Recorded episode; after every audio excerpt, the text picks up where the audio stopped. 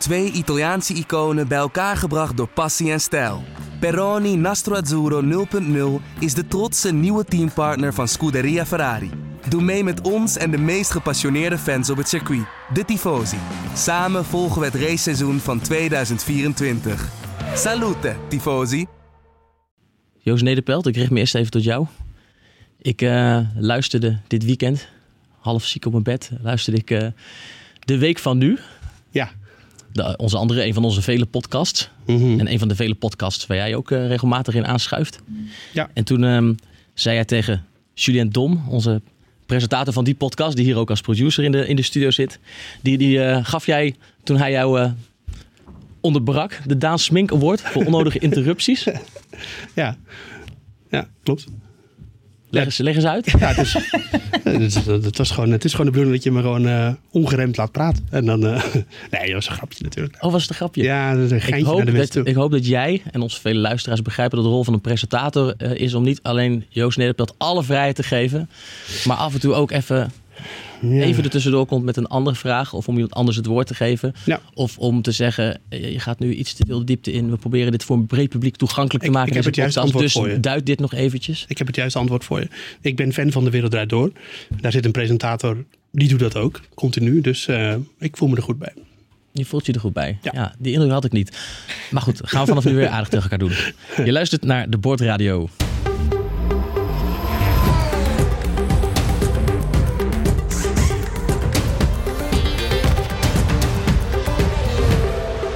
Ja, daar zijn we weer, zoals iedere maandag. Patrick Moeken hier in de studio aangeschoven. Joost Nederpelt, u hoorde hem net al eventjes. Julian Dolm, onze producer, uh, Annex presentator, zit er, uh, zit er natuurlijk ook weer bij. Mijn naam is Daan Smink.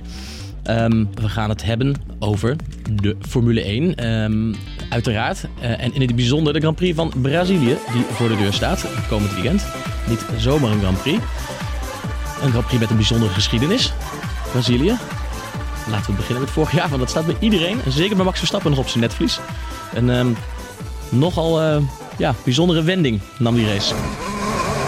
What a idiot! What a idiot! Calm yourself down for the moment, Max. Yeah, I made massive floor damage. I don't think I need to comment what happened. Just leave me space there. Ja, het blijft best wel een bizar verhaal in de, in de Formule 1 historie misschien wel, hè Patrick? Ja. Verstappen die, uh, die aan de leiding ging, Ocon op een ronde had gezet. En die dacht, ik haal Verstappen weer even in. En dat ging helemaal mis. Ja, op weg naar een uh, Grand Prix zege. En uh, uitgerekend Esteban Ocon die in de Racing Point Verstappen uit, uit de baan kegelt. Hè, op zijn op op verse banden. Uh, en Verstappen die na de race vervolgens Ocon even een kegel gaf. Ja, een uh, taakstrafje erbij. Hè, want hij moest voor straf ook nog een, een Formule E race bezoeken. Nou ja, behoorlijke straf. opvallende straf ook. maar iets, dat je, iets dat, je, dat je zelden ziet inderdaad. En ook heel veel over nagepraat. Ook Hamilton zei na afloop van... Uh, uh, ja, ik had dat anders opgelost. Hè. Dat, ja, dat, uh, dat had ik anders gedaan. ook helemaal even een steekje uit. Ja, Hamilton deelde nog wel een steekje uit naar Verstappen. Maar dat was over het algemeen wel redelijke consensus. Dat vooral Ocon hier natuurlijk iets, iets ja, deed wat, dit, wat heel ongepast was. Het is een soort... ja, een, een, ongeschreven regel. Een soort gentleman's agreement. Dat je dit, dat je dit niet... Uh, niet doet. Maar ja, Ocon en Verstappen hadden natuurlijk al een verleden samen. Dat zijn generatiegenoten. Uh, tegen de verschillende opstapklasses uh, tegen elkaar gereden. Uh, ja, dat ging heel, alles werd erbij gehaald. En ook wel, ook wel weer heerlijk natuurlijk voor ons uh, liefhebbers dat iets zo uh, uit de hand kan lopen. Het is een race die, die we nooit zullen vergeten. Er, er waren er nog een paar, hè, Joost, als we terugkijken in de geschiedenis van, van Brazilië. Zeker weten, ja. Het staat er bol van. Ik, ik zat net al te kijken. De, de Grand Prix van Brazilië staat sinds 1972 op de kalender. en we hebben er echt heel veel gehad. Ik noem een paar jaartallen. 2003 was een hele een race die ik me persoonlijk heel goed herinner. Met uiteindelijk een winnaar Giancarlo Fisichella. Die de, ba, de, de, de beker van de winst pas een week later kreeg in San Marino. Volgens Jos, Jos Verstappen de enige race die hij ooit had uh, kunnen winnen in ja. uh, Minardi. Ja, ja was ook een gekke huis met re uiteraard regen. Want als het, uh, als het een bal is in, in, op Interlagos, is het eigenlijk altijd met regen. Maar Grand Prix die ik er ook even uitgevist heb, is 1991. Er zit een klein stukje voorgeschiedenis aan. Want in Ayrton Senna, grootste Braziliaanse kleur alle tijden, daar mag geen misverstand over zijn. Die komt uit Sao Paulo. De Grand Prix was sinds 1990 terug in Sao Paulo. En wie won het toen? Alain Prost, zijn grote rivaal. En in 1991 won Senna zelf eh, met een, eh, met een eh, auto die eigenlijk onwillig was. Hij miste versnell- verschillende versnellingen. Hij had uiteindelijk alleen nog maar de zesde versnelling over.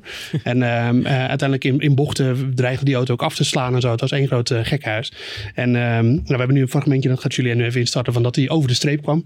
Met dat prachtige Braziliaanse commentaar er ook bij natuurlijk. Senna vai apontar. Patrese está perto, mas ele vai apontar. Aí Senna, de ponta a ponta, vai apontar Ayrton Senna. Depois desta curva, aponta Senna. Vem pra reta, vai pra vitória. Mihaly Ridazzi, Ayrton, Ayrton, Ayrton Senna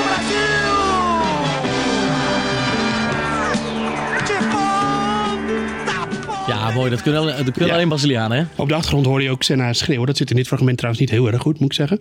Ehm, maar wat opvallend was, daarna kwam hij ook eh, uit de auto. En hij was zo gesloopt door, die, eh, door die, eh, dat gebrek aan versnellingen. En vooral dat die auto gewoon zo onwillig was. Dat hij als zijn spieren waren verstijfd. Misschien had dat ook iets met de, met de, de vreugde te maken. Dat hij, dat hij ook op instorten stond. En dat ze hem echt heel langzaam naar het podium toe moesten dirigeren. Waar hij ook de beker niet eens omhoog eh, kon houden. Past ook helemaal bij Ayrton Senna. Dat moet ik er ook bij zeggen. Maar ja, memorabele zege en een memorabele eh, race. En ook eh, op, van een memorabele coureur op een memorabel circuit. Nou, kan het niet beter hè. Dat is echt eh, Mooier kan het haast niet. ten voeten uit. Kun je daar nog overheen, Patrick? Met een eh, ander voorbeeld? eh Brazilië? Nou ja, Brazilië 2008. De Formule 1-kenners die zullen hem wel al, eh, die weten meteen waar het over gaat. De eerste titel van Hamilton. Hij moet eh, minstens eh, vijfde worden om die titel te pakken. Eh, als Massa die race tenminste wint. Nou, Massa die rijdt van Polen af naar de winst. Eh, vooraan niet heel spannend, maar daarachter gebeurt eh, van alles. En zeker als het eh, op het laatst begint te regenen en Hamilton nog een pitstop maakt en opeens op de zesde positie komt te liggen. It's all about uh, these last few corners now. We're expecting Massa anytime now. He comes through to claim his sixth victory of the season. He has done everything he needed to do. And we wait now to find out who will be the world champion of 2008. Can Hamilton do anything? Can he run it up the inside of Vettel? Only a few corners to go now, and desperation starts to creep in for Lewis Hamilton. Raikkonen's third. And that's, is that Glock? Is that Glock going slowly? It is, That's it's gone. Oh my goodness me, Hamilton's back in position again. A million, a hundred thousand local hearts sink in the grandstands. It's handed the place back to Hamilton. He comes through, and if I'm absolutely right, I'm sure that he is going to claim fifth place, which is all he needs to do to become Yes. the 2008 Formula One world champion, Lewis Hamilton. And you will, well, the, the Ferrari boys are celebrating. They, they both They think they, both won, think they won it, Ferrari but are wrong. Ferrari are wrong. They're absolutely you're wrong. wrong, Hamilton's guys. finished fifth, and Lewis, the father, has just realised that he celebrated a little bit too early. And Nicole Scherzinger, the girlfriend of uh, Lewis Hamilton, hugs Maar Hinsa. Patrick, Ja, dit, is, dit is echt eh nog steeds historisch. kippenvel als je dat- Mooiste ontknoping ooit? Ja, zeker. Ja, eh, Ferrari stonden ze te juichen al, hè? Ze stonden bij Ferrari te juichen. En dan was het zo pijnlijk als je die vader van Felipe Massa voorop. Hè. Eh, ook eh, Massa's thuisland natuurlijk. Brazilië, nou wereldkampioen voor eigen, eigen publiek. En dat ze hem dan moeten vertellen. Nee, Hamilton heeft Glock nog eh, ingehaald in de laatste bocht. Het heeft Timo Glock geloof ik wel doodsbedreigingjes opgeleverd. Ja, zeker. Dat, Arme jongen. verhalen dat hij zou zijn omgekocht en dat hij het opzettelijk had gedaan. Ja, is natuurlijk allemaal niet waar. Maar dit, is, dit is het enige waar hij aan herinnerd wordt. als je Ja. Glock aan de Formule 1 koppelt, dan, Ja, dan denk je hier aan. Alt, i- iedereen. Interview eh, met Glock wil, die, die, die wil het hierover gaat alleen maar hierover. Ja, ja. Nou ja, hopelijk gaat hij er niet aan onderdoor, eh, Nee. Timo Glock. Doet, doet hij nog wat in de, in de DTM. autosport nu? Rijdt bij BMW. rijdt Ja, het is gewoon een hele goede coureur. hoor. Dat hij, kan, Ja, hij waar. kan meer dan ingehaald worden, Ja. in, eh, dan in, eh, ingehaald worden in Brazilië. Dus, eh. en hij was een Formule 1 coureur met een naam van een pistool. Dat was natuurlijk ook gewoon eh, geweldig. Maar dat, dat terzijde. dat. Ja, had niet het, eh, nou goed, het talent kwam niet helemaal overeen. Nee. Misschien met wat je Ah. bij zo'n naam zou verwachten. Ja. Ehm, maar, maar vergeten we er niet nog één? Brazilië. Ik kan me nog een regenrace herinneren. Ja, kleintje, 2016. Geweldige race natuurlijk. Hè. Met, met Max Verstappen die, eh, die toen voor het eerst... nou, hij had natuurlijk die zege in, in, in Spanje al gehad. En eigenlijk was het al een gearriveerde naam qua grote talenten, laten we het zo zeggen. Alleen, ja, je, moet- je moet dan... In Nederland denk ik dat de meeste mensen wel wisten van wat we in huis hadden. Eh, maar dat hij dit zou doen, eh, dat, dat was echt eh, ongelooflijk. Verstappen on those tyres for uh, 19, but nonetheless. Oh, he's giving it a right go again, isn't he? Vettel comes to cover him off, but in doing so, he allows Verstappen the opportunity down the inside. Do they make contact? Sebastian Vettel yields, yields, and goes onto the grass as well. Verstappen on the inside. Sebastian Vettel had to concede the place because the Dutchman certainly wasn't moving. And look at that. He is now in fourth place. Ja, hij, hij zou natuurlijk nog, uh, nog derde worden. Hè. Ongelooflijke inhaalrace. En uh, het, het, was ook in het jaar waarin hij zijn eerste Grand Prix won. En uitgerekend in, in, in, op die, in, tijdens die Grand Prix in Brazilië. Uh, het land van Senna, ook, die ook zo'n grote Hij heeft daar heel was. veel fans voor zich gewonnen. Ja, hè? zeker. Die stonden echt te juichen. Je hoorde het ook op tv, hoorde die Brazilianen juichen. En afloop, uh, toen Verstappen op het podium stond, uh, waren ze ook allemaal Senna-liedjes aan het zingen. Zo. ja, fantastisch. Echt ja, fantastisch. Ja, prachtig. Ik denk als Verstappen over 10, 15 jaar gestopt is en je, en, je, zet ze vijf of tien mooiste races op een rijtje, dan zit deze er nog steeds tussen. Ja, ja zeker. Ik absoluut, denk, ja. ik denk misschien wel de mooiste, puur qua race. Ja, voor nu. Ja. ja. Ja. Even kijken of we ons kunnen herinneren wie die allemaal ingehaald heeft. Sainz, Hulkenberg sowieso. um, als laatste Perez, Vettel, uh, volgens mij nog een Toro Rosso. Ja, te veel om op te noemen, dat is het eigenlijk. Ik kan het niet eens allemaal meer herinneren. Manor reed nog mee, ook ja, volgens mij. Ja, ja, ja daar, gewoon zoveel. En ik ja. kwam uh, uit regenband natuurlijk in pitstijd. Volgens mij was het 16 ronden te gaan, van 16 naar 3. Dus ja. dat, uh, Grosjean reed niet mee, want dan was hij waarschijnlijk eraf. Nee, die, nou, mooi verhaal, Grosjean. Die was in de opwarmronde was die, gespe- was die eraf afgecrashed. Oh, dat was toen. Echt waar. Ja, ja, klopt. Ja, ja, weet het. Grosjean being Grosjean. Ja, op weg naar de grid schoof je tegen de muur aan. Ja, schitterend. Mooi zeg. Jongens, over Verstappen gesproken. Uh, bruggetje naar de komende race. Verenigde Staten, de afgelopen race, uh, zag het er ineens, uh, ineens beter uit eigenlijk dan we hadden verwacht uh, bij Red Bull. Verstappen zat best dicht bij Hamilton en, en, Bottas. Hamilton die, die wereldkampioen werd, Bottas die won. Prachtig 1-2 voor, voor Mercedes. Als het twee rondjes langer had geduurd, hadden we al geconcludeerd dat Verstappen, Verstappen misschien, misschien Hamilton nog wel ingehaald. Um, wat betekent dat voor Brazilië? Nou, ik denk dat, het, uh, dat hij best competitief gaat zijn in Brazilië. En uh, dat het wel weer een gevecht wordt met um, Mercedes sowieso. En natuurlijk de grote onbekende. Wat gaat er met Ferrari gebeuren? Dat is natuurlijk de million dollar question. Um, ik denk dat Verstappen zelf uh, in zijn hoofd al wel weet wat er met Ferrari gaat gebeuren. Dat ze er weer niet bij zitten. maar dat moeten we zien. Um, en ik denk dat het ook nog wel opvallend is om mee te nemen. Dat hebben we de vorige podcast ook besproken. Dat Verstappen natuurlijk een beschadigde auto had nog in Amerika. Wat echt wel veel scheelde. Dus we hebben nog niet eens alles gezien. En ook een beetje, is dat past wel een beetje in de lijn van de laatste paar races natuurlijk. Dat hij in Japan uh, schade had. In België de eerste bocht. Uh, Monza, motorwissel.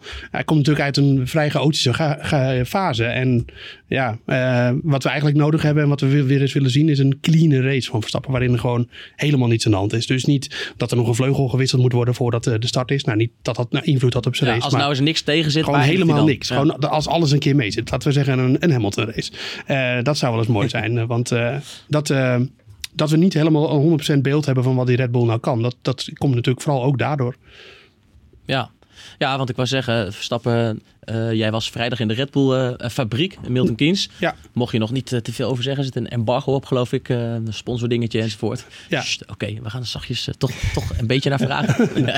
nee. nee, je mag er niet te veel over zeggen. Maar goed, Verstappen zei, even in algemene termen, zei hij zelf ook wel dat er toch een aantal races wel wat aan de hand was. En dat die auto er eigenlijk wel beter voor staat dan we misschien allemaal Ja, nou, hij was er allemaal nagegaan. En toen vond hij eigenlijk dat, dat hij dat het eigenlijk allemaal wel meevalt met de, met, met de snelheid. En dat de snelheid er gewoon vooral niet, niet altijd uitkomt. En uh, nou ja, er waren natuurlijk ook een paar races waar hij van tevoren al niet veel had, van had verwacht. Um, maar zijn belangrijkste punt was eigenlijk van ja, met de snelheid in de race zit het eigenlijk best wel goed. En als het nou, ja, wat ik net zeg, als het een keertje mee zit en dat het gewoon een keer alles gaat zoals, zoals het zou moeten. En niet dat hij dus ook door een achterblijven van de baan af wordt geramd. Of dat er weer een hap uit zijn vloer is. Of gridstraf heeft hij veel gehad. Gridstraffen. Of dat hij in de eerste bocht tegen iemand aanknalt. Of dat iemand tegen hem aanknalt. Ja, dat zijn allemaal van die. Uh, hij heeft natuurlijk gewoon een hele rommelige tweede seizoenshelft tot nu toe. Echt ja. heel rommelig. Ja, en dat komt deels buiten zijn eigen schuld. Um, ja, nou ja, natuurlijk. Ja, ik kan nou niet, als ik het allemaal terug ga, kan ik niet echt dingen aanwijzen. Nou ja, de eerste bocht in België, daar zou ik van kunnen zeggen, dat had hij misschien beter anders kunnen oplossen. Um, Singapore zat er ook nog tussen, dat er natuurlijk een fout was met de simulator. Um, althans, dat was de uitleg van Red Bull en dat, dat, dat moeten we geloven natuurlijk. Ja, dus een rommelige fase en het, het, clean race. Nog twee clean races graag. Dan, uh, dan kunnen we echt zien wat Red Bull uh, kan. Ook naar uh, 2020 toe. Ja, het is niet alleen eh, voor ons van belang, maar ook voor Verstappen zelf natuurlijk. Want die, die wil competitief zijn vanaf het begin van, van volgend jaar. Die wil gewoon voor de titel gaan. Ja, en dat is iets waar Red Bull eigenlijk altijd wel problemen mee heeft. Om, om er meteen te staan in het begin van het seizoen. Dus dat is dat is wel echt, als je dan in ieder geval maar uh, eindigt uh, on high, zoals ze dat in het Engels zeggen, dan, uh, dan, ja, dan denk ik dat ze in ieder geval weer een beetje vertrouwen ook meenemen naar, naar het volgende jaar. In ieder geval ook met de richting die ze op zijn gegaan. En ik denk dat ze echt wel weten dat de auto dit jaar niet optimaal was. Dat ze, dat ze daar echt wel dingen aan moeten veranderen. Ehm, en dat, de, ja, er moet natuurlijk ook van Honda moet er echt nog veel komen. Dus, uh, ja, ze dus, zijn er zeker nog niet. Ze zijn er zeker maar nog toch, als, als je, uh, kijk, Mercedes wist natuurlijk al heel lang dat ze kampioen zouden worden. Uh, Hamilton ook. Uh, Verstappen heeft ook al eerder gezegd, ja, Mercedes heeft ook ieder jaar een voordeel gehad, omdat ze zo vroeg kampioen worden, dat ze zal sneller zich volledig op het jaar, op het jaar erop kunnen, kunnen richten. Kijk, Red Bull, die, die moeten deze races ook nog goed presteren, al is het alleen maar om Honda ook nog tevreden te houden. Die nog steeds uh, twijfelen of ze wel door willen gaan met Formule 1. Dus wat dat betreft heeft Red Bull er ook meer belang bij om nu nog goed voor de dag te komen dan uh, misschien een Mercedes. Die al ja, wereldkampioen ja, is geworden. Maar goed, die dus auto van Mercedes is, is goed genoeg om, uh, is goed Jawel, genoeg om gewoon de rest nog Ik hoop te niet dat het, dat het een enigszins vertekend beeld geeft of zo in die aanloop naar volgend jaar. Dat Mercedes weer met een voorsprong gaat beginnen. En dat misschien Red Bull, zoals in de afgelopen jaren, weer met een achterstand. Ja, uiteindelijk is dat ook voor niemand. Hè? Ook voor de neutrale uh, nee, toeschouwer niemand... is dat natuurlijk ook niet leuk als Mercedes nee. gelijk er vandoor gaat. En er is geen competitie tussen de top 2 of top 3. Waar vooral top 3 hoop je natuurlijk op. Maar veel hangt ook van Ferrari af. Ja. Ja. Zeker. Ja, uh, bij Ferrari uh, was een hele re ja, regen aan uitleg waarom, waarom ze niet snel waren in Austin. en ja, bedoel, daar viel hier en daar ook wel wat op te schieten. Um, zeker het downforce verhaal. Ik denk dat ik, ik wil daar wel in meegaan. Want ik heb wel het idee dat, dat ze inderdaad met meer downforce reden dan normaal. En dat haal ik alleen eigenlijk uit het feit dat die auto gewoon snel was in de eerste sector. Maar dat hebben we de vorige keer ook allemaal besproken. Dus dat hoeft niet weer helemaal terug te halen. Um, en ik haal er ook nog wel wat uit dat ze gewoon wel in de kwalificatie mee konden komen. En uh, kijk, in Mexico waren ze niet de snelste in de kwalificatie. En in, uh, daar was er nog niks aan de hand. Hmm. En in, in, Amerika ook niet. Dus dat is op zich geen trendbreuk. Je hebt niet het idee dat Ferrari nu ineens weg is voor de laatste twee races van dit seizoen? Nee, dat denk ik niet. En het zou best kunnen dat ze wat minder zijn. En uh, dat is wel iets wat, wat Verstappen ook zei. We moeten niet denken dat ze een, een, een waardeloze auto hebben. Zo is het niet. Het scheelde gewoon iets. Uh, of misschien best wel veel. Maar je moet het meer zien als dat ze waren al goed en ze werden nog beter. En niet dat ze nu ineens heel slecht zijn. En ik, ja, ik kan me gewoon niet voorstellen dat de, het tempo... van Ferrari, zeker in de openingsfase in Amerika, alleen maar was toe te schrijven aan dat uh, trucje wat ze dan uh, wel of niet uithaalden en dan nu wel of niet meer uithaalden. Alle ogen zullen in ieder geval op Ferrari gericht zijn bij de komende race en eigenlijk bij de komende paar races. Ja, dat als ze dan weer traag zijn, gaat iedereen zeggen. Zie je wel, Max Verstappen voorop, denk ik, hè, die zeer uitgesproken was. Van ja, hè, ja. dit krijg je dus als je, als je stopt met vals spelen. Um, nou, als... In dat kader vond ik het wel vond ik het best opmerkelijk dat meestal is Jos Verstappen, zijn vader, de uitgesprokene van de twee. Maar die floot Max een beetje terug. Hè. Die zei: Max, ik snap wel dat hij dat gezegd heeft, maar hij had zich een beetje in moeten houden met wat hij over Ferrari zei. Hij ging eigenlijk iets te ver.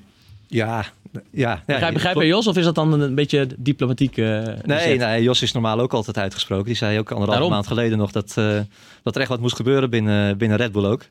Uh, nee, ja, ja, geen idee eigenlijk. Ja, het, het, het, was ook, het is ook niet handig natuurlijk. En het is ook in het heet van de strijd als je zegt dat, uh, dat het komt door, door vals spelen. Hè. Dat wordt dan ook weer meteen vertaald naar allerlei sites. En Verstappen ja. die, die, die wordt dan ook weer geciteerd.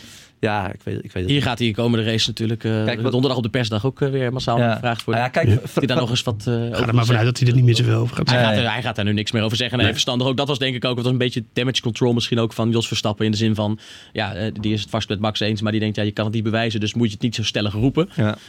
en, en misschien dacht Jos ondertussen ook van, ja, die optie om nog eens naar Ferrari te gaan, willen we ook niet helemaal weggooien. Toch? Zou ook kunnen, ja. ja. Nou ja als, maar als Ferrari geen keuze heeft, dan, dan zullen ze alsnog wel aankloppen, ondanks deze, mm, ja. deze uitspraken. Maar uh, als je kijkt naar het circuit, uh, Interlagos, het rechte stuk loopt een beetje omhoog. Uh, daar, daarachter op het circuit hebben ze ook nog een, een lang rechtstuk.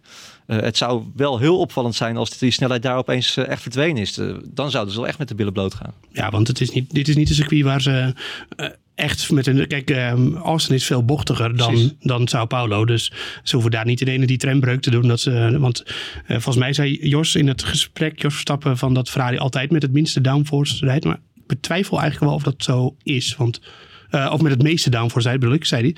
Maar volgens mij juist, was het juist het probleem dit jaar dat ze juist te weinig downforce hadden. Dus of dat zo is, weet ik niet helemaal. Um, maar hoe dan ook, er is in, volgens mij geen reden uh, om in, uh, in, Oost, of in, in Sao Paulo met, met, met minder downforce of meer downforce te rijden dan dat ze het afgelopen race, dat ze heel succesvol waren, hadden moeten doen. Ja, ze wilden de race pace wat verbeteren. Mm-hmm. Nou, dat is niet gelukt, dat hebben we kunnen zien.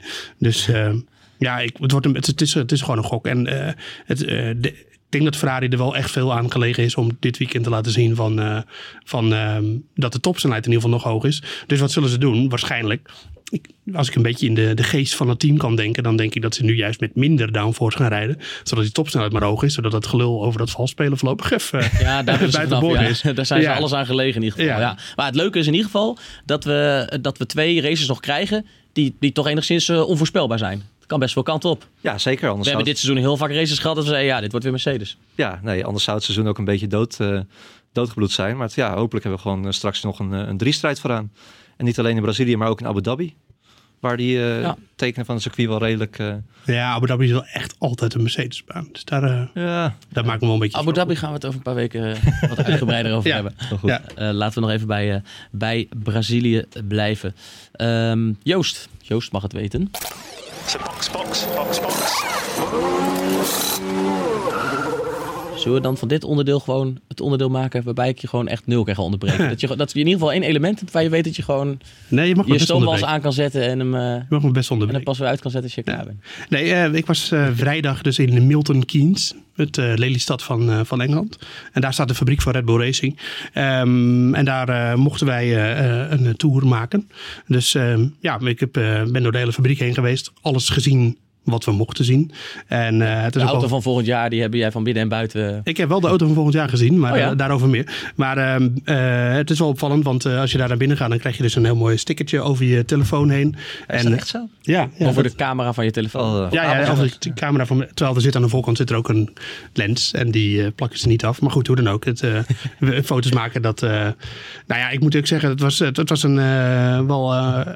Eh, opvallend dat het is best echt groot. En je ziet echt hoe zo'n topteam dan eh, opereert. En de, eh, eigenlijk het, vooral eh, de gedachte die me meestal bekroop was van dit allemaal om om eh, 22 of 21 weekenden in het jaar twee auto's te laten rijden. Dat is eh dan staat daar een apparatuur dat wil je niet weten. Draaibanken eh, grote gigantische machines van honderdduizenden of meer euro's. Eh, allerlei gigantische 3D printers het is echt eh gigantische operatie. Je snapt dan als je dat ziet ook wel dat als een team een paar jaar niet wint, dat er dan binnen de top van zo'n bedrijf wel eens de vraag komt: Ja. dus, moeten we dit nog wel willen? Ja, is het allemaal wel, is het allemaal wel waard? Want er lopen ook eh, honderden mensen rond natuurlijk. Ja. Eh, grote kantine is er. En ja, dus het is gewoon heel leuk. Want je kon bijvoorbeeld wel zien hoe de, de verstellingsbakken worden gemaakt. En hoe allerlei andere, vooral metalen onderdelen, die maken ze ook zelf natuurlijk. En dat is dan vaak van titanium. Daar hebben ze allemaal van die draaibanken voor. En dat is heel leuk. Eh, Windtunnel? Windtunnel is niet bij de fabriek. Die staat eh, eh, iets van 30 kilometer verderop. Wat is wel heel grappig. De windtunnel van Red Bull is vroeger gebruikt om de Concorde eh, te maken. Dus die, daar zit ook, nog, zit, ook nog, ja, zit ook nog een stukje geschiedenis aan. Ehm, nou ja, een klein detail was bijvoorbeeld de elektronica afdeling. Dan zie je gewoon eh 19 werkplekken met allemaal mensen die daar zitten met een soldeerbout. En die zitten gewoon die sturen in elkaar te draaien. Maar ook allerlei andere elektronica rond, eh, door, door de hele auto heen. Allerlei leidingjes, kabelboompjes, stekkertjes, knopjes, lampjes, et cetera. Dat maken ze allemaal zelf. Elk detail. Elk detail. eh, en de, de, de, de spuiterij hebben we natuurlijk ook gezien. Dat is ook eh, mooi om gewoon al die onderdelen los. Die komen dan zo uit die spuiterij vandaan. Die zijn allemaal weer keurig netjes. En die verf is ook super, super glad. Daar mochten we ook even aan zitten. Ehm, maar ook de composietafdeling. En daar eh, werd het interessant. Want eh, we stonden daar bij een, eh, een soort van, ze hadden een soort van stellingkast. Waarin wat voorbeelden lagen. Voor, dus worden natuurlijk vaker rondleidingen gegeven. Alleen het is altijd mijn drang om dan vooral niet bij het groepje te gaan kijken. Maar gewoon bij andere dingen te gaan kijken. Dus ik stond op een gegeven moment bij een mal van een monokok. En daar stond op RB16. Toen dacht ik, hey, Max zei dit jaar in de RB15. Dit is de mal voor de Con Monaco voor, voor, voor eh, volgend jaar. Dus ik stond het allemaal even rustig te Toen werd je bekijken. daardoor drie beveiligers in je Ja. gevat. Ja, dus toen heb ik een nacht in de cel gezet. Nee, geintje. Dat, eh, dat eh, viel, begon een beetje op te, vallen. Want op een gegeven moment kwamen er natuurlijk ook anderen bij staan. Maar die stonden te kijken, wat staat hij daar nou te bekijken? En ik moet eerlijk zeggen, je kon er niks aan zien hoor. Je kon zien dat het een monokok was. Maar, Nee, maar het was ik- toch leuk. Maar het was toch wel grappig. Want ik heb toch een beetje het gevoel dat ik de auto van volgend jaar deels gezien heb. Ehm, Kon je dus- iets zien qua technische details? Of kon je iets zien eh, waar, eh, op basis waarvan je kan zeggen... oh, dat is, dit of dat is anders dan Nee. dit jaar? Of, eh, Nee, nee, het is eh, volgens mij een redelijk conventionele monokok. Maar Ja. ik moet ook zeggen, de, het, het gaat om het gedeelte waar hij in zit, de coureur. En dan met die, die beschermranden aan de bovenkant. Mhm. En het gedeelte wat er bovenop zit met die luchthapper en zo. Dat, is, dat zat er niet op. Dus je kan eigenlijk gewoon helemaal niks zien. Maar ik vond het gewoon vooral heel grappig. En ze vonden het iets minder grappig dat we dat zelfs stonden te bestuderen. En dat we werden wel nadrukkelijk verzocht om weer door te lopen. Eh, Ehm, even kijken, verder waren we nog in de, de Hall of Fame eigenlijk, die eh, Red Bull heeft. Dat is echt heel mooi. Die hebben een soort van eh, ruimte. Daar staan alle auto's van de afgelopen jaren, of tenminste bijna allemaal. Er stonden er ook een paar niet te filmen op. De Hall of Fame. Dus dan alleen vier auto's van Vettel. nee, nee, nee, nee, nee. De, de eerste Red Bull uh, uit, wanneer zijn ze begonnen eigenlijk? 2005 uit mijn hoofd. 2004 of 2005. En um, uh, de RB6, de auto van 2010, die uh, met Webber en Vettel het hele veld op een hoop reden. Dat uh, ja, was wel echt heel erg leuk. Leuk bezoek. Ik kan er niet zeggen dat ik er heel veel technisch van heb opgestoken, want daar word je toch echt allemaal van afgehouden. Heel veel deuren waren ook dicht of heel veel ramen waren afgeplakt. Of, ja, Begrijpelijk dus... ook wel, maar dan zie je wel een beetje dat het, het, hoe, wat een belang daar ook achter zit. Nou ja, hè? In, zowel ja. in mankracht, wat er rondloopt, hoeveel ja. erin geïnvesteerd wordt, als in wat een belang om dat verder geheim te houden. Want het is al heel uniek dat je daar een kijkje mag nemen. En dan nog mag je heel veel natuurlijk niet zien, want oh wee als er iets bij de concurrenten terechtkomt. Precies, dat is sowieso zo. En wat ik, ik heb ook nog wel één ding echt geleerd. En dat ik dacht altijd dat ze aerodynamische onderdelen zoals voorvleugels, als die kapot waren, dat ze die gewoon weggooiden en weer een nieuwe maakten. Maar dat is niet zo. Er is echt een hele afdeling die ze gewoon uh, dat soort onderdelen weer herstellen en dan gewoon weer dingen aan. Uh, uh, lijmen of dat soort dingen. Dus, uh, zware crashes en zo. Nou ja, dat zal natuurlijk tot op zekere hoogte ja. gaan. Maar uh, um, ik denk zo'n vloer van Verstappen die in um, Texas beschadigd raken. Het zou best kunnen dat ze die dan weer herstellen. Dus, Oké, okay, ja, zodat dat, ze dan weer kunnen hergebruiken. Ja, en dan moet ik er natuurlijk ook bij zeggen dat dit was natuurlijk niet een, een team die ook de motor, uh, dat ook de motor zelf maakt. Dus, uh, en eigenlijk het enige team wat alles in één gebouw heeft, dat is Ferrari. Dus, uh, maar de kans dat we daar een keer mogen kijken, dat is, is denk ik heel erg nieuw. Die, ja, ik wou zeggen, is, is Red Bull dan relatief open? Um, of Ferrari relatief gesloten? Ik denk vooral het laatste. want volgens mij kun je bij Mercedes, uh, als je de goede connecties hebt, kun je ook wel een keer een fabrieksbezoek doen. Maar uh, ja, en ik weet ook dat van mensen, daar ben ik zelf nooit geweest, maar Enstone, uh, de fabriek van Renault, daar is dat ook mogelijk. Maar ik heb nog nooit iemand gehoord die een fabriekbezoek bij Ferrari heeft gebracht. Oké, okay, interessant om bij te zijn. Um, en we krijgen natuurlijk ook nog een mooi verhaal in tekst over ja. te lezen op nu.nl. Later. Wanneer hebben we dat al gepland? Voor in de winter, zei hij. Ja. Dus dat is volgende. Ja. Nou, laten we dat even plannen hier bij deze. Ja. Nee, in de winter gaan we natuurlijk inderdaad een mooi ronkend verhaal maken over... Uh, ja. hier, wordt, uh, hier wordt de auto van Verstappen voor volgend jaar Maar uh, dinsdagochtend is wel een, het gesprek met Verstappen wat we daar had... is te zien, op, te lezen op nu.nl. Ja. ja. Dat gezegd hebben, dan gaan we naar de fanzone. De post van onze trouwe en minder trouwe luisteraars. Allereerst Mike Rijnhilde, eh, die zegt ten eerste nog bedankt voor de leuke podcast die jullie maken. Jij bedankt Mike voor het luisteren. Uh, vraag, is Adrian Newey nog wel de man bij Red Bull Racing? Of moeten ze gaan kijken voor een andere ontwerper?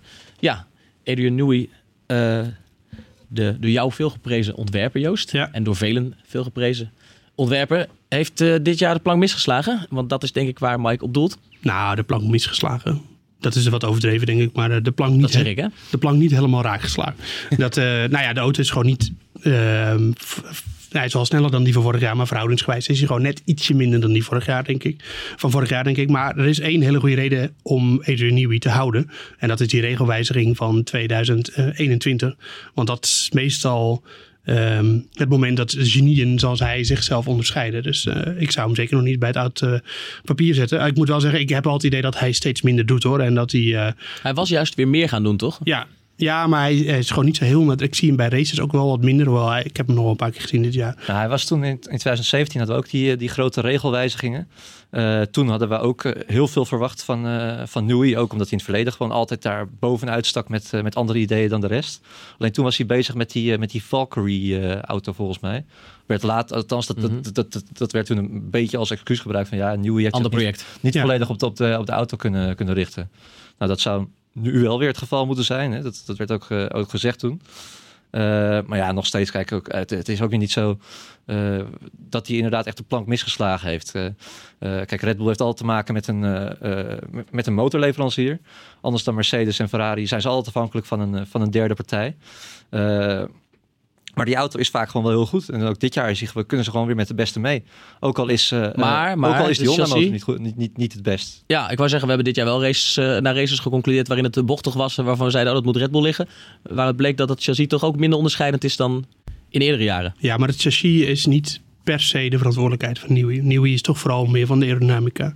Dus hij, hij bemoeit zich wel met het totale concept van de auto. En dat ik dacht komt... vooral totale. Ja, maar, de, maar de, het is niet zo dat, dat uh, hij is toch vooral vanuit, vanuit, eh, van huis uit eh, iemand die zich met de aerodynamica vooral bezighoudt. Dus dat, eh, ja, als er iets in de ophanging of zo iets minder is dan de afgelopen jaren, dan, ja, dan hoeft dat niet per se aan hem te leggen. Nee. Nou, Maar aan de andere kant moet je wel zeggen, hij loopt al heel lang mee. En het is misschien, eh, ehm, wordt het tijd voor een nieuwe blik. Maar ja, kijk, eh, zolang eh, die zich... Het is niet zo nu dat er bij de andere teams, of bij de kleinere teams, echt iemand zich onderscheidt. En daardoor, eh, eigenlijk sowieso is het sowieso een klein beetje minder aan het worden met die gigantische sterontwerpers die, eh, zoals Ross Brown, die natuurlijk dat nu ook niet meer doet. Of Adrian Newey.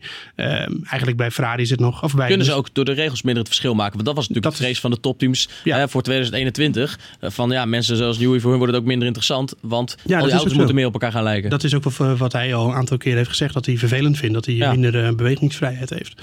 Dus eh, daarom is het misschien ook minder een sport geworden. En misschien zijn die auto's ook wel iets te complex geworden voor eh, één sterontwerper die het hele plaatje bij elkaar bedenkt. Maar hij doet het ook niet alleen. Hij doet het ook niet alleen, maar dat is wel een beetje de. v- vroeg, vroeger, toen was het toch wel meer zo dat het gewoon uit de koker van één persoon kwam. de, de auto, of één of twee. Maar dat is gewoon minder geworden. Ja, kortom, ze moeten hem niet wegdoen. Maar het, het is niet uit te sluiten dat hij er zelf ook een beetje klaar mee is. Ja. Helder. Ehm, volgende vraag. Eens even kijken. Ja, het grondeffect. eh, Daar hebben we het al vaker over gehad. En dat wordt steeds belangrijker natuurlijk, ook straks. Ehm, even kijken. David vraagt hier. eh, wat is jullie standpunt met betrekking tot de nieuwe regels? En dan met name het grondeffect. Ik kan me nog herinneren dat eind jaren 80 eh, of iets dergelijks. dat volledig uit de hand liep. En na een ongeluk waarbij een auto letterlijk airborne raakte. is besloten dat de techniek verboden werd. Ik neem aan dat de nieuwe regels die bezwaren adresseren. Maar de vraag is hoe? Ehm, ik denk dat het eh, toen vooral fout ging, omdat je van die. ehm, ehm, het, als je het grondeffect beschrijft, dat zijn dan vooral twee tunnels die in lengterichting onder de auto eh, doorlopen. eh, Eigenlijk aan weerszijden van de coureur en de motor. En daar zit dan halverwege zit er een vernauwing in, waardoor de lucht sneller gaat stromen. En daardoor ontstaat een vacuüm en daardoor wordt hij aan de grond gezogen. Wat daarbij heel belangrijk is, is dat de zijkanten van de, de vloer dus afgesloten zijn. Want anders dan raak je die lucht aan de zijkant kwijt of komt er juist lucht bij en dan is het effect weg. Ehm, en de, in de jaren, eind jaren 70, begin jaren 80 gebruikten ze daar van die skirts voor. Van die eh, soort, van, eh, ja, eh, soort van platen aan de zijkant. Die ervoor zorgden, of het was vaak met een rubber aan de onderkant volgens mij.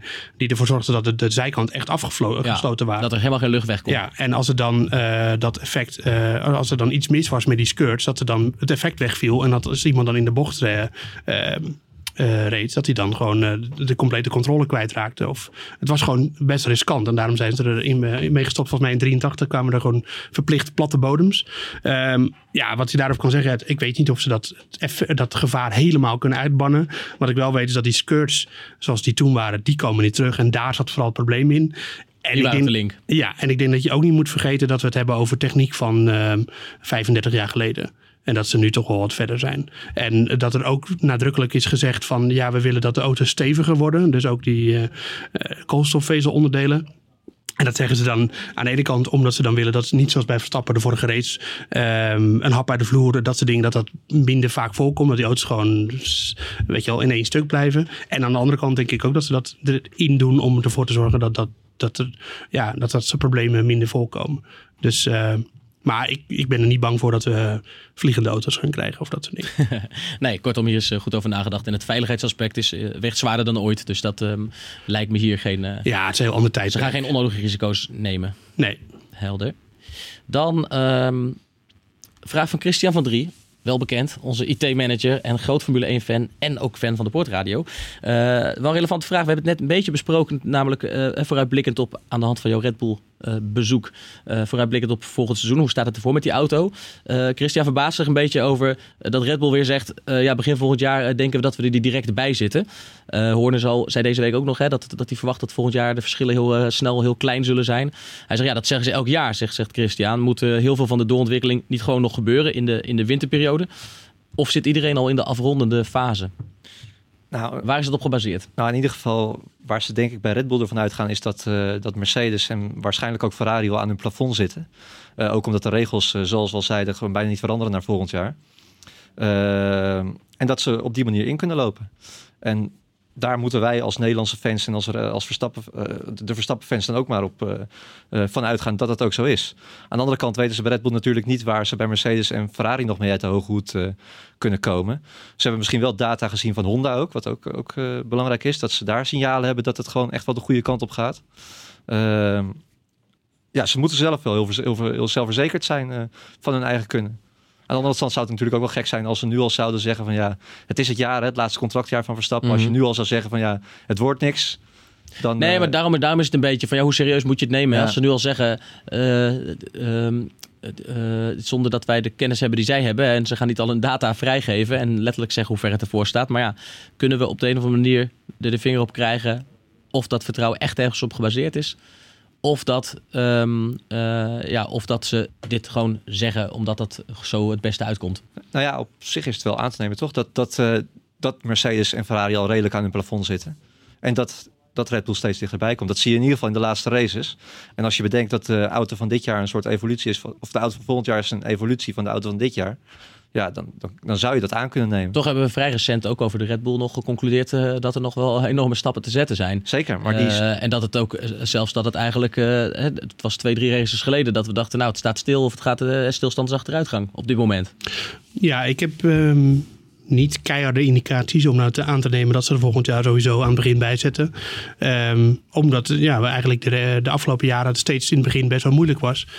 dus ja, Eigenlijk denk ik dat het vooral afhankelijk is van wat Honda brengt. En uh, dat, dat Red Bull weer uh, in ieder geval gelijkwaardig of betere auto neer kan zetten. Daar ben ik wel van overtuigd. Maar uh, de stap moet echt gemaakt worden bij Honda, denk ik. Zeker ook omdat je het toch wel vaak hebt over die squeeze. Waar ze dan niet mee kunnen komen omdat het te lange rechte stukken zijn.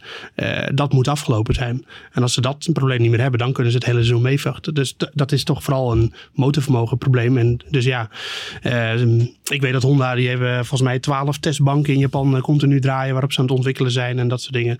Dus uh, ja, ik, ik heb wel het vertrouwen erin dat Honda die stap kan zetten. Um, en je moet niet vergeten dat dit was het eerste jaar met Honda. Uh, dat was allemaal nog een beetje. We wisten dat het een beetje een tussenjaar was. Ja, dus uh, we hebben tussen de regels door wel Verstappen met name een paar keer horen zeggen dat hij gehoopt had en een beetje verwacht dat ze al verder waren. Ja, het is vooral dat risicoding is ook wel een ding. Het risico nemen. Um, kijk, aan de ene kant is het natuurlijk heel mooi dat er geen ene Honda bij Verstappen dit jaar uh, kapot is gegaan. Maar aan de andere kant denk ik ook van ja, hoe erg ben je dan op het randje aan het experimenteren? Ja, en dat, dat wil hij, hè? dat ze vaker alles of niks spelen. Ja, nou ja, dat denk ik wel dat ze dat. Nou ja, alles of niets, maar in ieder geval meer risico. Ja. Um, dus ja, daar is het echt een beetje van afhankelijk. Maar uh, dat Honda die stap gaat maken, daar heb ik wel vertrouwen in. Dat Red Bull ook met een goede auto komt, daar vertrouw ik ook op. Maar ik denk niet, eerlijk gezegd, wat Patrick zegt, dat Honda of Mercedes en Ferrari al aan hun plafond zitten. Zeker Ferrari niet, maar ik denk dat Mercedes, ja, het, het, is waar dat na verloop van tijd, als de regels heel lang hetzelfde blijven, dat het dan dichter bij elkaar komt. En dus dat effect, dat zou je verwachten komend jaar, maar Mercedes heeft me wel vaker versteld doen staan. Dus wat dat betreft uh, ben ik daar nog wel een beetje huiverig voor. Het zou voor Red Bull lekker zijn als Mercedes en Ferrari even deze winter niet aan de slag mochten en Red Bull wel. Nou ja, voor, de hele. Formule 1 zou, voor de hele Formule 1 zou het wel lekker zijn als we eindelijk weer eens een gevecht zouden krijgen tussen, tussen drie teams. Ja, dat Kijk, hebben het, deze... Het is, het is, eigenlijk ook wel armoe. Het is, het is hartstikke knap van Mercedes dat ze telkens zo, zo, zo met zoveel overmacht kampioen worden. Maar voor de sport is het natuurlijk helemaal waardeloos. Nee, maar tegelijk denk ik dan, en ik uh, heb al eerder gezegd, ik volg die sport minder, minder lang en intens, uh, intensief dan jullie. Maar uh, hoeveel jaren heb je dat dan gehad? Dat het altijd uh, uh, een heel seizoen lang hè, tussen drie teams ging. Dat gebeurt niet zo vaak, toch? Nee, maar dat, het zo, dat er zo'n zo lange tijd van dominantie, dat is, dat is wel echt... Uh, dat is wel extreem. Echt ex extreem, ja. En we hebben ook bijvoorbeeld in het uh, ja, begin van, van, van de, de, jaren 2010, 2012 had je... in 2012 was dat volgens mij, had je de eerste zeven races met zeven verschillende winnaars van vier verschillende teams. Ja, maar is dat niet eerder de uitzondering en dit meer de norm? De, de, ja, Nou ja, ze, dus, ja, misschien wel. Nou ja, dit is de norm geworden. Ja. Maar vroeger had je in ieder geval dat, dat, dat Mercedes zoveel wint. Ja, Goed, het is niet voor niks dat ze in 2021 de boel op de schop gaan gooien. Precies, juist ja. zodat deze norm uh, weer wat ja. vervaagt en dat het weer gelijkwaardiger wordt. Dus dat is vooral ook om Mercedes een kopje kleiner te maken. Uiteindelijk. Ja. Uiteindelijk wel, ja. Um, Als ze er nog bij zijn. Als ze er nog bij zijn, ja. Maar dat geldt voor meer teams. Daar, uh, daar gaan we... Wanneer gaan we daar meer over horen? Nou, dit weekend niet, want Toto Wolf is er niet. Dus, uh, ja, Mercedes nee. is er wel bij hoor. Dat was uh, in het persbericht van... Uh... Ik geloof ook niks van dat ze stoppen. Maar er komt een moment dat, dat voor 2021 ja, verschillende teams dat bekend gaan maken. Dat kan toch niet lang nee, Er stond één zinnetje in het persbericht toen Mercedes die samenwerking met McLaren aankondigde. Dat Toto Wolf er naar aankeek om de strijd eh, ook met het fabrieksteam met McLaren aan te gaan. Ja. Daar is heel lang over nagedacht. Ja? Ja. Ik denk het wel. Het zou best kunnen. Anders Ja. schrijf je het toch niet op? Nee, weet ik. Maar Lijkt me. hetgene waar jij het net over hebt, eh, eh, de- over het feit dat Mercedes zo lang domineert en dat dat niet goed is voor de sport. Maar je kunt ook zeggen, het is niet goed voor Mercedes. Want op een gegeven moment is het marketing effect van ah, alles is positief. En eh, Merce- nou ja, dat denk Ja, ik. Ik denk als, dat jij, het- als jij veruit elke keer de beste auto levert. Ik denk dat weer mensen eerder een Mercedes dan een Renault gaan kopen nu als ze Formule 1 kijken. Zo Ja. hangt er vanaf hoe, groot je Ja. Is dat, portemonnee is dat te simpel? Nee, dat is, dat is wel zo. Dat is zeker zo. Maar als mensen op een gegeven moment het Mercedes eh, kwalijk gaan vinden, dat ze gaan nemen dat ze, het, dat ze het. En dat is natuurlijk onzin. Dat ligt niet aan Mercedes, dat ligt aan die andere team. Nee. Maar zo werken mensen nou eenmaal. De gunfactor raken ze kwijt. Ja, Ja. ja. en dat, dat, als dat eh, effect echt bereikt is, dan moet je afvragen hoe lang eh, Mercedes nog in de Formule 1 door blijft gaan. Dat is niet, dat is niet voor altijd. Nee. Kijk, van Ferrari, oké, ze dreigen er heel vaak mee dat ze gaan stoppen. Maar weet je gewoon, die zitten over tien jaar nog in de Formule 1. Die horen bij de Formule 1. En ehm, Red Bull nu zo met die Honda-combinatie, als het allemaal goed gaat en er worden races gewonnen, dan vertrouw ik er ook wel op. Maar ja, voor Mercedes is het op een gegeven moment ook weer klaar met het fabrieksteam. Ja.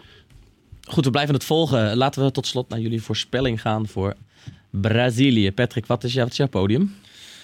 Eh, podium. Nou, dan zeg ik eh, dat. eh, ik denk toch dat Mercedes net een tandje beter is dan, eh, eh, dan Red Bull.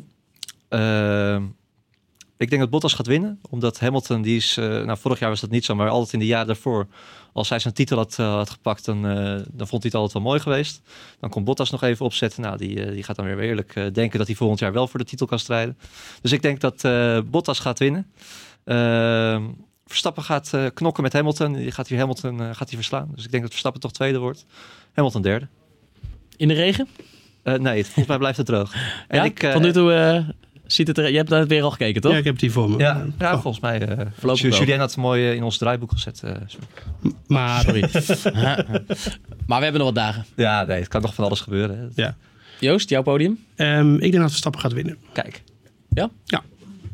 Dat denk ik oprecht. Want ik denk dat, ehm, dat ze eh, gewoon een goede auto hebben voor dit circuit. En de laatste weken gaat het gewoon... eh, nou ja, ik denk dat het, eh, waar ik het in het begin over had, dat van die clean race, dat moet een keer gebeuren. Dat moet ik ermee zitten. En dan, dan kunnen ze volgens mij gewoon eh, met Mercedes de strijd aan. En dan heb je een. eh, kijk, Verstappen is een betere kleur dan Bottas. Hoewel Bottas de laatste tijd in goede vorm is, moet gezegd. En ik denk dat Hamilton, ja, die, zit, die denkt al aan welke vakantie hij gaat boeken. In Engeland, want hij gaat natuurlijk niet met vliegtuig. Ehm, dus ja, ik denk dat hij gaat winnen. En ik denk dat eh, Bottas tweede wordt en Leclerc derde. Ik denk dat Ferrari er wel gewoon weer bij zit dit weekend. Ik denk het niet. Nee. Nou het zien. dat is de grote vraagteken. Ja. ja. Het zal, mij, eh, het zal mij zeer benieuwen. Het zal me vooral benieuwen in hoeverre het eh, dan voor eh, en na de race nog over Ferrari en wel of niet vals Ook heel spelen veel. gaat. Oh, leuk Dat, voor de gok dat we Het zit er wel in dat dit nog een zaadje krijgt, gok ik, vermoed ik. Ik hoop dat we daar maandag in de podcast nog weer even over Gaat, moeten nog hebben. wel een, gaat er nog wel een paar jaar over, denk ik. Ja, maar goed, ja, dat is de vorige keer ook al gezegd. En natuurlijk is het kwalijk te nemen, Ferrari, maar vals spelen hoort wel een klein beetje, of we dat nou willen of niet, bij Formule 1. Dat is gewoon zo. En het is, daar had ik het afgelopen ehm, Doe mijn sporthart. vrijdag had ik het daar ook nog over eh, tijdens die eh, trip. En het is natuurlijk ook zo dat je- je moet niet vergeten dat als Red Bull achter dit was gekomen, hè, dat, eh, dat je dus met een elektriciteitsleiding die, eh, die, Dan hadden ze hetzelfde gedaan. hadden ze het ook gedaan, tuurlijk. Tuurlijk, ja. Ja. Dus dat is. Maar dan zou het toch juist alleen maar mooi zijn als, als dat het inderdaad blijkt te zijn. Ja, dat je nooit kan bewijzen, maar dat ze er gewoon nu niet bij zitten en in Abu Dhabi weer niet. Nee. Nee. En als je met Dan een, je als je met een engineer, eh, engineer praat die gewoon over technische oplossingen eh, denkt en dat soort dingen, die kan maar één ding denken over die truc van Ferrari. En dat is briljant gevonden. Klaar, zo is het. Ja, dat is het vervelende. Maar eh natuurlijk is vals spelen heeft natuurlijk een negatieve connotatie en dat is op zich ook zo. Maar het is, ja, weet je, het is, het is, een, het is gewoon, Ja, eh, ik nou, vind het ook wel weer interessant. Ik zitten we hier nog een half uur te discussiëren, want eh, Maar, ik, ga, er- ik ga er nu niet meer tegenin. Maar ehm, het mooiste is dat het gewoon zo eerlijk mogelijk is de sport en dat je gewoon kan zeggen, deze coureur was beter dan de ander. Maar in het hardlopen gebeurt het ook, hè? Want dan heb je die Nike schoenen met, eh, met een eh, carbonplaat in de zool. En daar zeggen anderen ook weer van dat het vals spelen is. Ja. Ja, is ook niet eerlijk. Nee. Verdorie. En ik zag dit weekend een voetbalwedstrijd in de Premier League. werd een doelpunt afgekeurd. Omdat iemand ergens eerder in de wedstrijd met een teennagel bij het spel stond. Ja. Ja, maar bij het spel het Ja, dat is Nou. geen vals spelen, hè? Dat is gewoon... Nee, eh, weet ik, maar welke sport verloopt er? Het gaat erom, verloopt de sport eerlijk? En hoe dat dan ontstaat. Maar goed, hè? daar hebben we het de komende maandag wel weer over. Zolang het maar het streven is. Ja, Ja. we gaan maandag verder babbelen. En eh, Patrick, heb ik Joost vaak onderbroken vandaag? Het viel mee. Viel mee, hè? Ja. Ja. Stom, hè? overal. Want ik ga, ik ga me er toch een beetje naar gedragen dan. Ja, dan moet ik je nog moet, op letten. eh, je ook. moet van- je Ja. doet het was wel een keer een luisteraar ook die erover, die erover Ja? Ja. Maar Ja, dat was, ik verdenk nog steeds dat het gewoon Joost Gepaard was of zo. kunnen, ja, Hij wilde gewoon een statement maken. En toch vond ik het weer gezellig, jongens. Bedankt de mensen voor het luisteren. Wij zijn er eh, volgende week weer. En volg ook eh, de komende Grand Prix via ons live blog eh, natuurlijk. En eh, reacties en andere fijne stukken op nu.nl. En natuurlijk ook ehm, binnenkort Joost's verhaal over zijn bezoek aan de Red Bull fabriek. Yes. Bedankt voor nu. Dag. Hoi.